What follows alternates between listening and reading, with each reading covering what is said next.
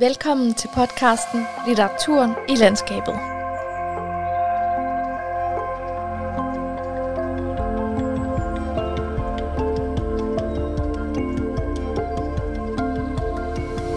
Denne podcastserie sætter fokus på tre udvalgte forfattere med tilknytning til Langeland. Frank Jæger, Vagn Lundby og Marete Prys Helle.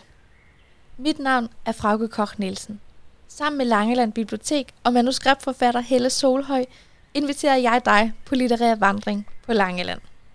De næste fem afsnit handler om Frank Jæger i Tranekær.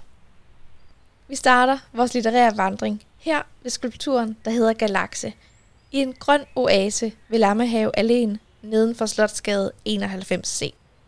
Og om lidt går vi i forfatteren Frank Jægers fodspor herfra. Måske du på Langeland har lagt mærke til, at månen har øens tone. Måske du også har set, at månen ligger med sin gul på havet og skinner, ligesom en trompet.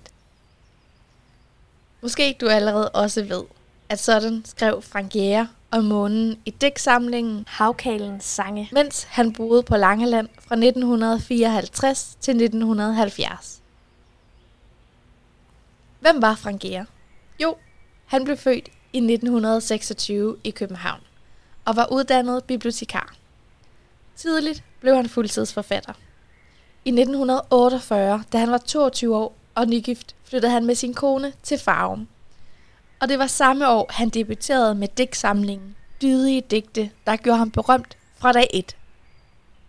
Frank Jæger blev berømt som den lyse digter.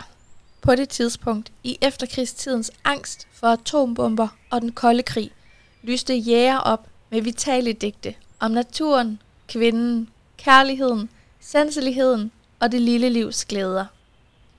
Han skrev yndefuldt, humoristisk og poetisk.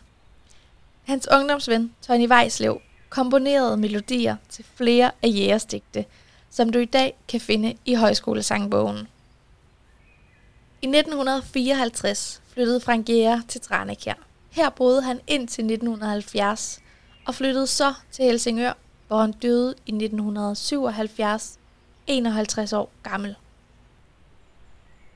Her, hvor du står i Tranekær, er du ved Lammehave alene, der peger fra Tranekær Slot mod Tranekær Kirke.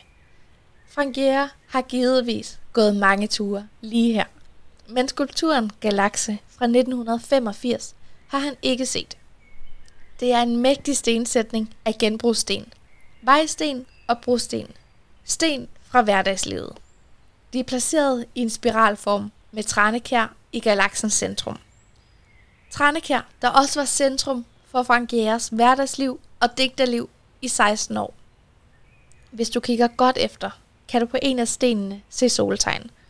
Måske tænker du på solsystemet, eller på den lysende digter Frank Jæger.